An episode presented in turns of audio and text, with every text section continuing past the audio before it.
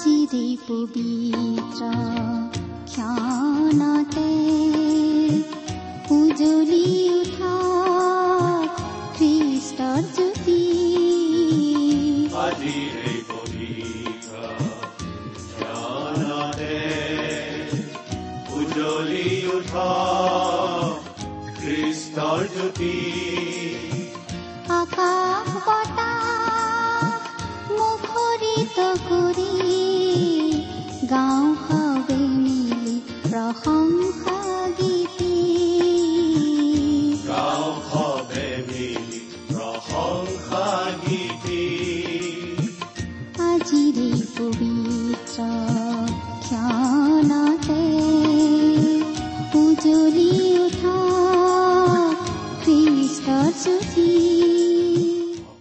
আমাৰ মহান ত্ৰাণকৰ্তা প্ৰভু যীশুখ্ৰীষ্টৰ নামত নমস্কাৰ প্ৰিয় শ্ৰোতা।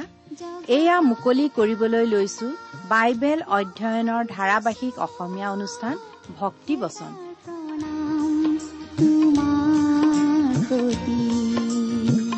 জগতৰ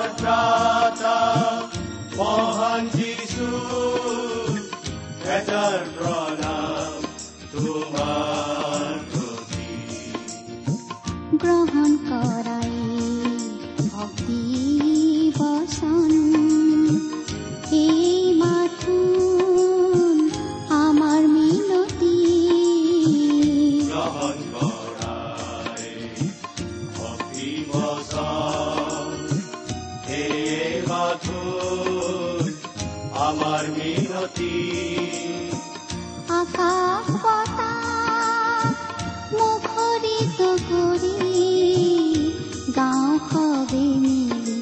প্ৰশংসা গীতি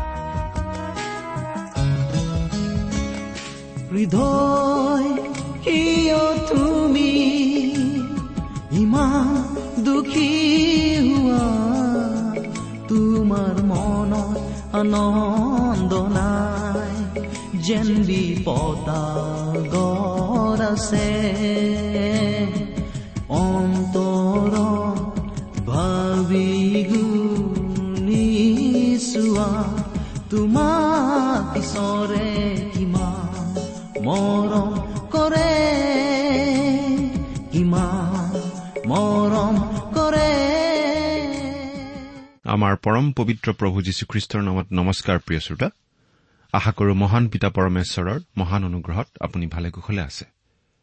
লগতে আমি এই বুলিও আশা কৰিছো যে আপুনি আমাৰ এই ভক্তিবচন অনুষ্ঠানটো নিয়মিতভাৱে শুনি আছে। আৰু যদি আজি প্ৰথমবাৰৰ বাবে শুনিছে শুনি কেনে পালে আমালৈ চিঠি লিখি জনাবচোন। যদিহে আপুনি আমালৈ মাজে সময়ে চিঠি পত্ৰ লিখি আছে তেতিয়াহ'লে আপোনাক ধন্যবাদ জনাইছো। আৰু আজিও দুষাৰিমান লিখি পঠিয়াবলৈ অনুৰোধ কৰিছো। আমাৰ যোগাযোগৰ ঠিকনা? ভক্তিবচন টি ডাব্লিউ আৰ ইণ্ডিয়া ডাক পাকচ নম্বৰ সাত শূন্য গুৱাহাটী সাত আঠ এক শূন্য শূন্য এক। ঠিকনাটো আৰু এবাৰ কৈছো ভক্তিবচন টি ডাব্লিউ আৰ ইণ্ডিয়া ডাক পাকচ নম্বৰ সাত শূন্য গুৱাহাটী সাত আঠ এক শূন্য শূন্য এক। আহকচোন আজিৰ বাইবেল অধ্যয়ন আৰম্ভ কৰাৰ আগতে খন্তেক প্ৰাৰ্থনাত মূৰ দুৱাওঁ। হে আমাৰ স্বৰ্গত থকা মহান পিতৃ ঈশ্বৰ প্ৰথমতেই তোমাক ধন্যবাদ দিওঁ কিয়নো তুমি আমাক আকৌ এটা নতুন দিন দেখিবলৈ দিছা আৰু তোমাৰ মহান বাক্য বাইবেল শাস্ত্ৰ অধ্যয়ন কৰিবলৈ আকৌ এটা সুযোগ দান কৰিছা। তোমাৰ মহান বাক্যৰ যোগেৰে তুমি আজি আমাক কথা কোৱা তোমাৰ স্পষ্ট মাত আমাক শুনিবলৈ দিয়া কিয়নো এই প্ৰাৰ্থনা আমাৰ মহান ত্ৰাণকৰ্তা মৃত্যুঞ্জয় প্ৰভু যীশুখ্ৰীষ্টৰ নামত আগবঢ়াইছো।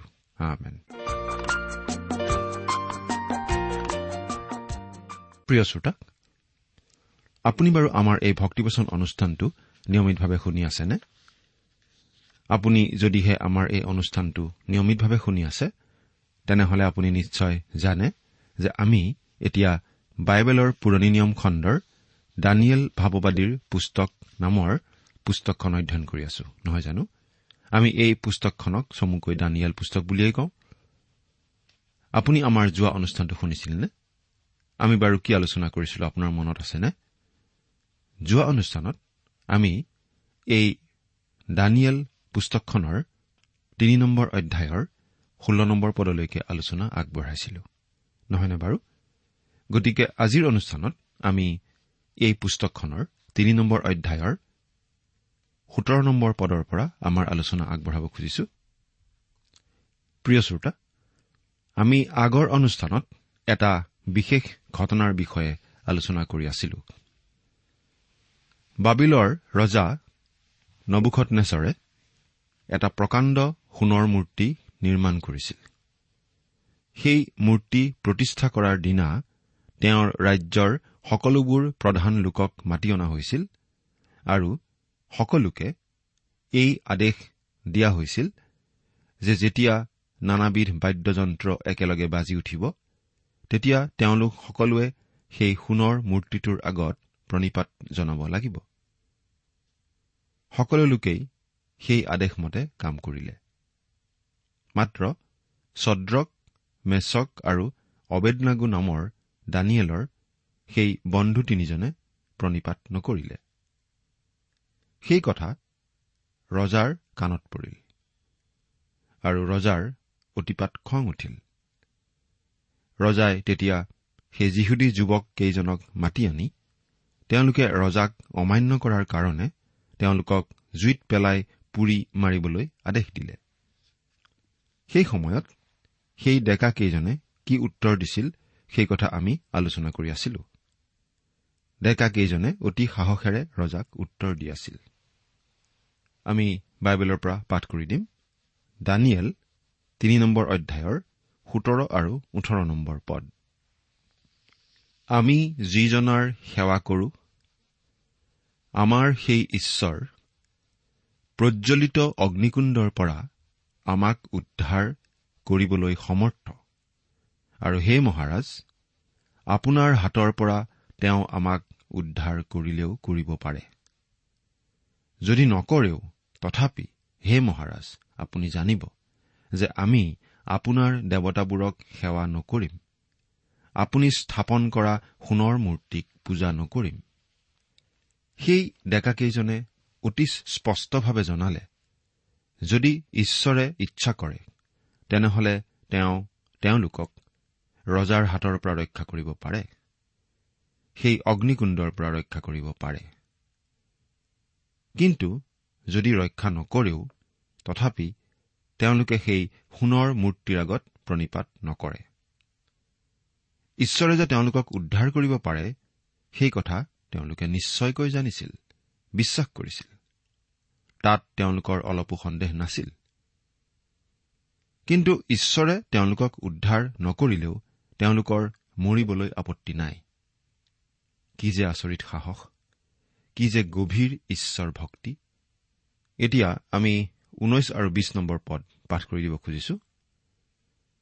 তেতিয়া নবুখত নেচৰে ক্ৰোধেৰে পৰিপূৰ্ণ হৈ ছদ্ৰক মৈচক আৰু অবেদনগুৰ অহিতে মুখ বিকটাই অগ্নিকুণ্ড নিয়মিত পৰিমাণতকৈ সাত গুণ প্ৰজ্বলিত কৰিবলৈ আজ্ঞা দিলে। আৰু তেওঁ তেওঁৰ সৈন্যৰ মাজৰ কেতবিলাক বলি মানুহক ছদ্ৰক মৈচক আৰু অবেদ নগক বান্ধি প্ৰজ্বলিত অগ্নিকুণ্ডত পেলাবলৈ আজ্ঞা দিলে।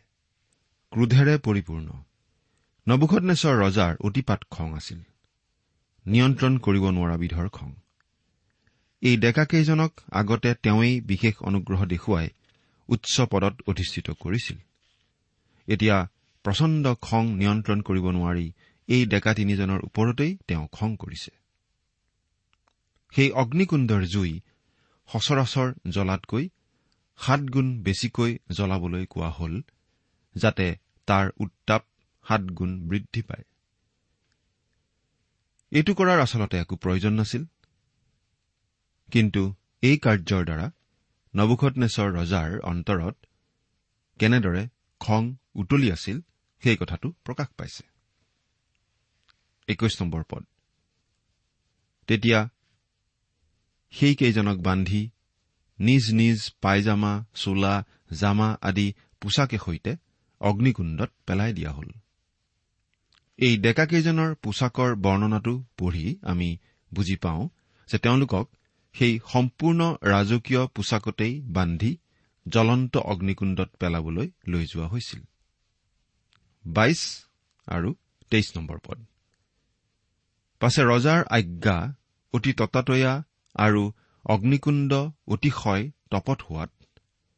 ছদ্ৰক মৈচক আৰু অবেদনাগক পেলাবলৈ নিয়া মানুহকেইজনেই অগ্নিশিখাত হত হল।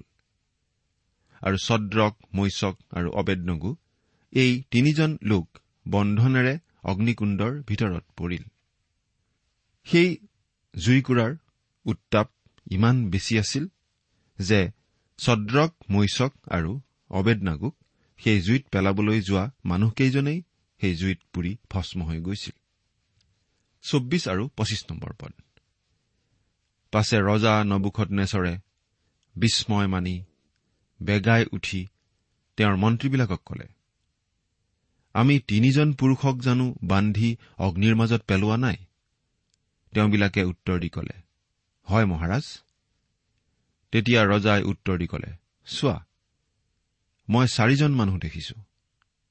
তেওঁবিলাকে মুকলি হৈ জুইৰ মাজত অহা যোৱা কৰিছে। তেওঁবিলাকে একো দুখ পোৱা নাই। আৰু চতুৰ্থজনৰ আকৃতি দেৱপুত্ৰৰ নিচিনা। সেই জ্বলন্ত অগ্নিকুণ্ডটোৰ নিশ্চয় মুখখন খোলা আছিল আৰু ভিতৰখন দেখা পোৱা গৈছিল।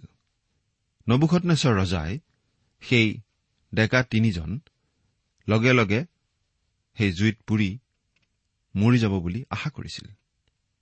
কিন্তু ৰজা অতি আচৰিত হল কাৰণ তেওঁলোক নমৰি বাচি আছিল আৰু জুইৰ মাজত চলা ফুৰা কৰি আছিল।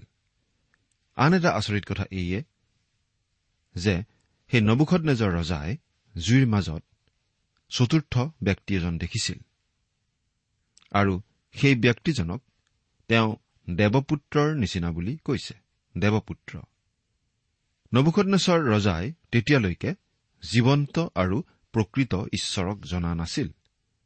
যদিও সেই ঈশ্বৰৰ কথা দানিয়েলে আগতে কৈছিল।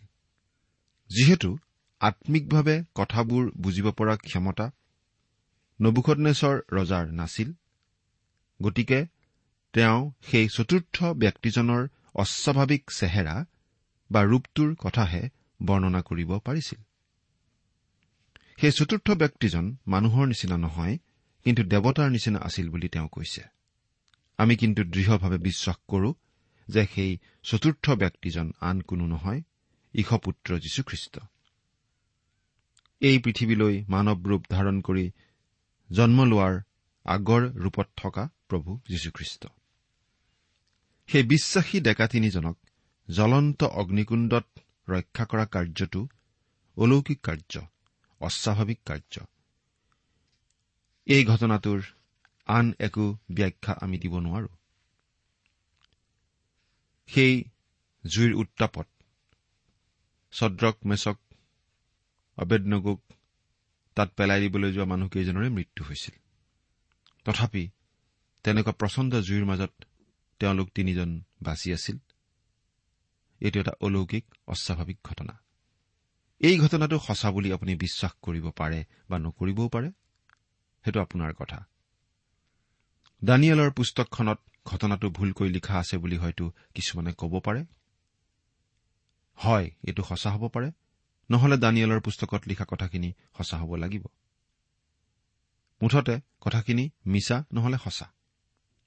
আজিকালি কিছুমান লোক আছে তেওঁলোকে শাস্ত্ৰৰ কথাবোৰৰ আচল অৰ্থটো নোহোৱা কৰে।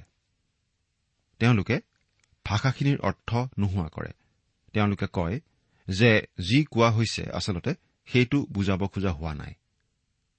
আচলতে ইয়াৰ যোগেদি আম্মিক অৰ্থৰ বেলেগ কথাহে বুজোৱা হৈছে। এনেকুৱা ধৰণৰ মতটো দুতলীয়াই নহয় মানুহক প্ৰতাৰিত কৰা ধৰণৰ।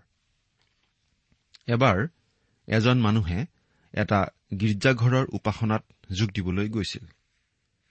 তাৰ পালকজন তেওঁৰ বন্ধুৰ পুতেক আছিল।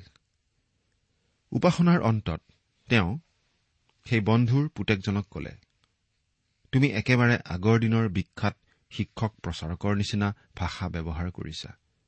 তেওঁলোকে কোৱাৰ নিচিনা কথা কৈছা। খুব ভাল কথা।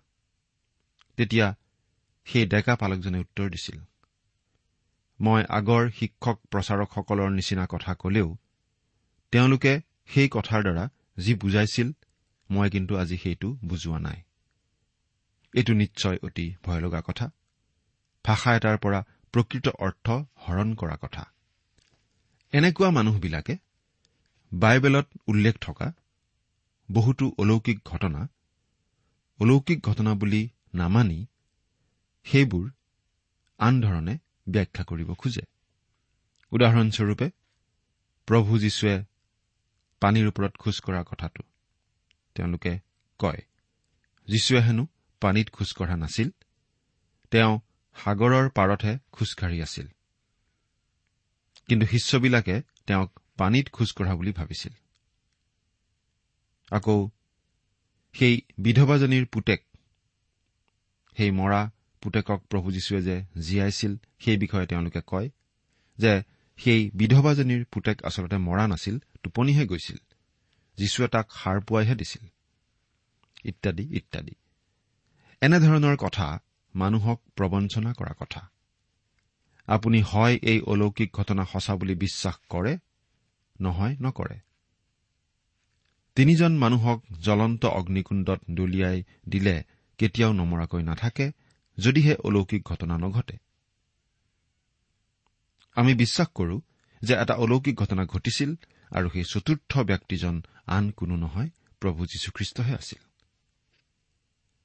ইয়াত যিখিনি ঘটনাৰ বিৱৰণ দিয়া হৈছে এই ঘটনাখিনি ঐতিহাসিক ঘটনা। কিন্তু আমি এই কথাও মন কৰা উচিত যে এই ঘটনাটো এটা ভৱিষ্যৎবাণী সম্পৰ্কীয় ঘটনা। ইয়াৰ যোগেদি আচলতে ভৱিষ্যতে ঘটিবলগীয়া ঘটনা কিছুমানৰ আগতীয়া ছবি এখন আমাক দিয়া হৈছে। আচলতে ভৱিষ্যতে আহিবলগীয়া মহাক্লেশৰ সময়ছোৱাৰ এখন ছবি আমি ইয়াত দেখা পাওঁ। সেই জ্বলন্ত অগ্নিকুণ্ডই বুজাইছে মহাক্লেশৰ সময়ছোৱা। সেই সময়ছোৱাত আহিবলগীয়া দুখ যন্ত্ৰণাৰ কথা। এই নবুখত নেচৰ ৰজাই বুজাইছে সাগৰৰ পৰা উঠি অহা সেই পশু অৰ্থাৎ খ্ৰীষ্টাৰী পাপ পুৰুষক যিজন এই পৃথিৱীৰ শেষ শাসনকৰ্তা হ'ব। সেই সোণৰ মূৰ্তিটোৱে বুজাইছে জিৰচালেমৰ মন্দিৰ অপবিত্ৰ কৰা হ'ব বুলি যে প্ৰভু যীশুৱে কৈছিল সেই কথা। এই যিহুদী ডেকাকেইজনে প্ৰতিনিধিত্ব কৰিছে যিহুদীসকলৰ অৱশিষ্ট লোকসকলক যিসকলক সেই মহাক্লেশৰ মাজতো অতি অলৌকিকভাৱে ৰক্ষা কৰা হ'ব। আৰু তাৰ পাছত বিশেষভাৱে মন কৰিবলগীয়া কথা এইয়ে যে এই অধ্যায়টোত দানিয়েলৰ কথা একেবাৰে উল্লেখ কৰা হোৱা নাই। তেওঁ সেই ঠাইত উপস্থিত নাছিলেই। আমি এই কথা অনুমান কৰিব পাৰো যে দানিয়েল কেৱল দেশৰ ন্যায়াধীশেই নাছিল তেওঁ দেশৰ প্ৰধানমন্ত্ৰীও আছিল। তেওঁ নিশ্চয় ৰাজ্যৰ কামত বাহিৰলৈ গৈছিল। ৰজাৰ কামত তেওঁ কিবা ধৰণে আন ঠাইত ব্যস্ত আছিল। গতিকে দানিয়েলে প্ৰতিনিধিত্ব কৰে মুক্তি পোৱা লোকসকলক যিসকলক সেই মহাক্লেশৰ আগে আগে এই পৃথিৱীৰ পৰা উঠাই লৈ যোৱা হ'ব। সঁচাকৈয়ে ইয়াত অতি আকৰ্ষণীয় আৰু মনোমোহা ছবি এখন দাঙি ধৰা হৈছে। ইয়াত যি চতুৰ্থজন ব্যক্তিৰ কথা উল্লেখ কৰা হৈছে তেওঁ হৈছে প্ৰভু যীশুখ্ৰীষ্ট। সেই ডেকাকেইজনৰ লগত জুইৰ মাজত প্ৰভু যীশুৱে সংগ দিছিল আৰু তেওঁলোকক উদ্ধাৰ কৰিছিল। ঠিক একেদৰে সেই আহিবলগীয়া মহাক্লেশৰ সময়ছোৱাটো প্ৰভু যীশু ইছৰাইল জাতিৰ অৱশিষ্ট লোকবিলাকৰ লগত উপস্থিত থাকিব। যিসকল লোক তেওঁত বিশ্বাস কৰা লোক হ'ব আৰু সেই মহাক্লেশৰ সময়ত জীয়াই থাকিব। খ্ৰীষ্টীয় বিশ্বাসীসকলে আজি এই কথাটোৰ পৰা সাহস গোটাব পাৰে। এইখিনি কথা আমি যদি মনত ৰাখো যদি ধ্যান কৰো তাৰ পৰা আমি আমাৰ মনত যথেষ্ট সাহস পাব পাৰোঁ। আজি আমি খ্ৰীষ্টীয় বিশ্বাসীসকলে যদিহে কোনো ধৰণৰ বিপদ বিঘিনি দুখ কষ্টৰ মাজত পৰো আমাৰ এটা বিশেষ সান্তনা বিশেষ আশাৰ কথা আছে। তেনেকুৱা বিপদ বিঘিনিৰ মাজত আমাৰ লগত প্ৰভু যীশুখ্ৰীষ্ট উপস্থিত থাকে। জুইৰ মাজত তেওঁ উপস্থিত আছিল। ছদ্ৰক মেচক অবেদনগুৰ লগত। ঠিক তেনেদৰে বিপদ বিঘিনিৰ মাজতে আমাৰ লগত প্ৰভু যীশুখ্ৰীষ্ট উপস্থিত থাকে। জীৱনৰ সকলো কঠিন পৰিস্থিতি সকলো সমস্যাৰ সময়ত প্ৰভু যীশু আমাৰ লগতে থাকে। প্ৰভু যীশুৱে তেওঁৰ বিশ্বাসী লোকসকলক কেতিয়াও পৰিত্যাগ নকৰে। প্ৰভু যীশুৱে এনেদৰে কৈছিল তোমালোকে মুঠ যেন শান্তি পোৱা। এইকাৰণে এইবোৰ কথা তোমালোকক কলো। জগতত তোমালোকৰ ক্লেশ আছে কিন্তু নিৰ্ভয় হোৱা। ময়েই জগতক জয় কৰিলো। এইবুলি আমি পঢ়িবলৈ পাওঁ জোহনে লিখা শুভবাৰ্তা ষোল্ল নম্বৰ অধ্যায়ৰ তেত্ৰিশ নম্বৰ পদত। আকৌ প্ৰভু যীশুৱে এনেদৰেও কৈছিল মঠিয়ে লিখা শুভবাৰ্তা ওঠৰ নম্বৰ অধ্যায়ৰ বিশ নম্বৰ পদ পাঠ কৰি দিছো।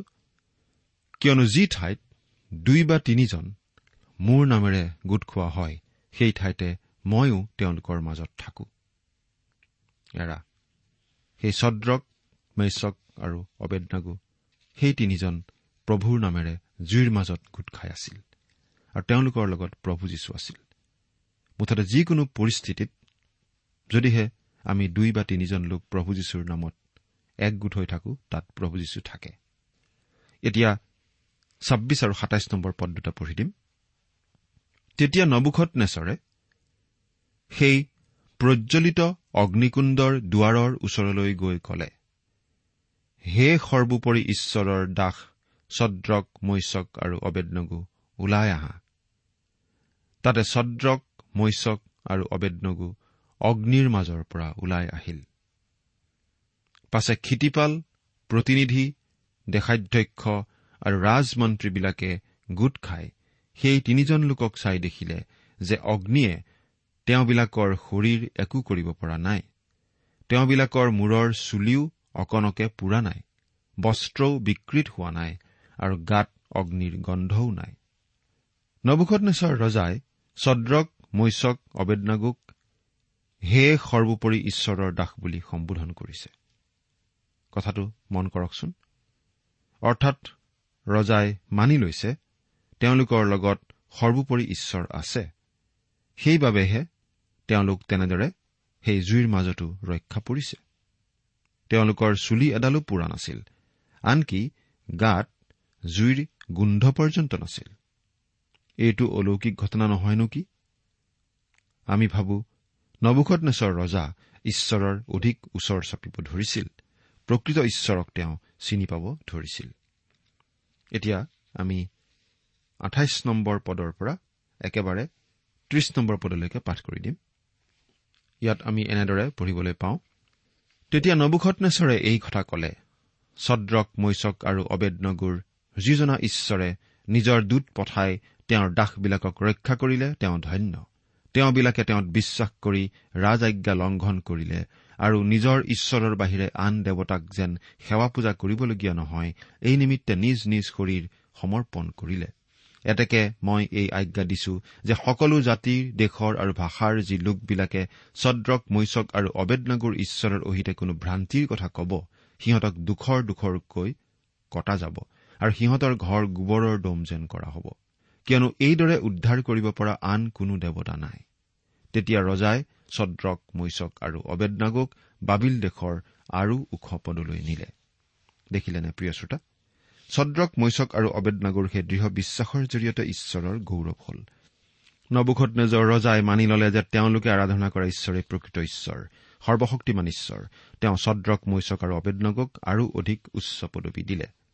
প্ৰভু যীশুৱে নিজৰ বিশ্বাসীসকলক এই জগতত নিৰাপদে ৰাখিব পাৰে আৰু আহিবলগীয়া অনন্তকলীয়া দিনবোৰতো নিৰাপদে ৰাখিব পাৰে। চিৰদিনলৈ। তেওঁ কৈছিল মোৰ মেৰবিলাকে মোৰ মাত শুনে ময়ো সেইবিলাকক জানো আৰু সেইবিলাক মোৰ পাছে পাছে আহে। আৰু মই সেইবিলাকক অনন্ত জীৱন দিওঁ তাতে সেইবিলাক কেতিয়াও নষ্ট নহব আৰু কোনেও মোৰ হাতৰ পৰা সেইবিলাকক কাঢ়ি নলব। জোহন দহ অধ্যায় সাতাইছ আৰু আঠাইছ নম্বৰ পদ। তেওঁ এই বুলিও কৈছিল জোহন সোতৰ নম্বৰ অধ্যায় পোন্ধৰ নম্বৰ পদত আমি পঢ়িবলৈ পাওঁ মই নিবেদন নকৰো যে তুমি তেওঁবিলাকক জগতৰ পৰা নিয়া কিন্তু তেওঁবিলাকক পাপ আত্মাৰ পৰা ৰাখা। পাচনি পৌলে প্ৰভু যীশুত থকা দৃঢ় বিশ্বাসৰ বাবেই ক'ব পাৰিছিল এনেদৰে। দ্বিতীয় তিমঠীয় এক নম্বৰ অধ্যায়ৰ বাৰ নম্বৰ পদত আমি পাওঁ এইকাৰণে মই এইবোৰ দুখ ভোগো কৰিছো তথাপি লজ্জিত নহওঁ। কিয়নো মই যিজনক বিশ্বাস কৰিলো তেওঁক জানো আৰু তেওঁৰ হাতত মই যিহকে গতাই দিলো তাকে তেওঁ যে সেই দিনৰ নিমিত্তে পহৰা দি ৰাখিবৰ সমৰ্থ ইয়াকে দৃঢ় প্ৰত্যয় কৰিছো। প্ৰিয় শ্ৰোতা প্ৰভু যীশুৰ হাতত আমি নিজকে সোধাই দি অনন্তকালৰ বাবে নিৰাপদ হ'ব পাৰো। সেই কথা বাৰু আপুনি মনত ৰাখিছেনে? ঈশ্বৰে আমাক সকলোকে আশীৰ্বাদ কৰক। আমেন। মৰম কৰে।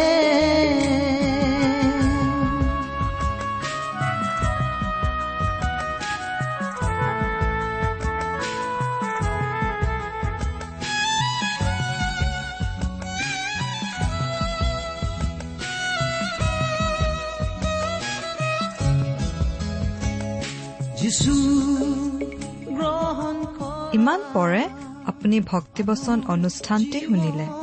অনুষ্ঠানটি শুনি কেনে পালে আমালৈ চিঠি লিখি জনাবচোন? অনুষ্ঠানত প্ৰচাৰ কৰা কোনো কথা বুজিব লগা থাকিলেও আমালৈ লিখক। আমাৰ ঠিকনা ভক্তিবচন টি ডাব্লিউ আৰ ইণ্ডিয়া ডাক পাকচ নম্বৰ সাত শূন্য গুৱাহাটী সাত আঠ এক শূন্য শূন্য এক।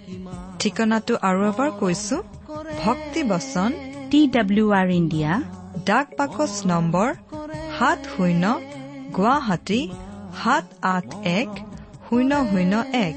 আপুনি ইমেইল যোগেৰেও আমাৰ সৈতে যোগাযোগ কৰিব পাৰে। আমাৰ ইমেইল আইডিটো হৈছে Assamese T TV at radio' eight eight two dot com. আইডিটো আকৌ এবাৰ কৈছো Assamese T TV at radio' eight eight two dot com. আপুনি টেলিফোনৰ মাধ্যমেৰেও আমাক যোগাযোগ কৰিব পাৰে। আমাৰ টেলিফোন নম্বৰটো হৈছে শূন্য তিনি ছয় এক দুই ছয় শূন্য চাৰি ছয় সাত এক। ফোন নম্বৰটো আকৌ এবাৰ কৈছো zero' three six one two six zero' four six seven one. আজিৰ অনুষ্ঠানটি ইমানতে সামৰিছো। ঈশ্বৰৰ শান্তি আৰু অনুগ্ৰহ আপোনাৰ লগত থাকক।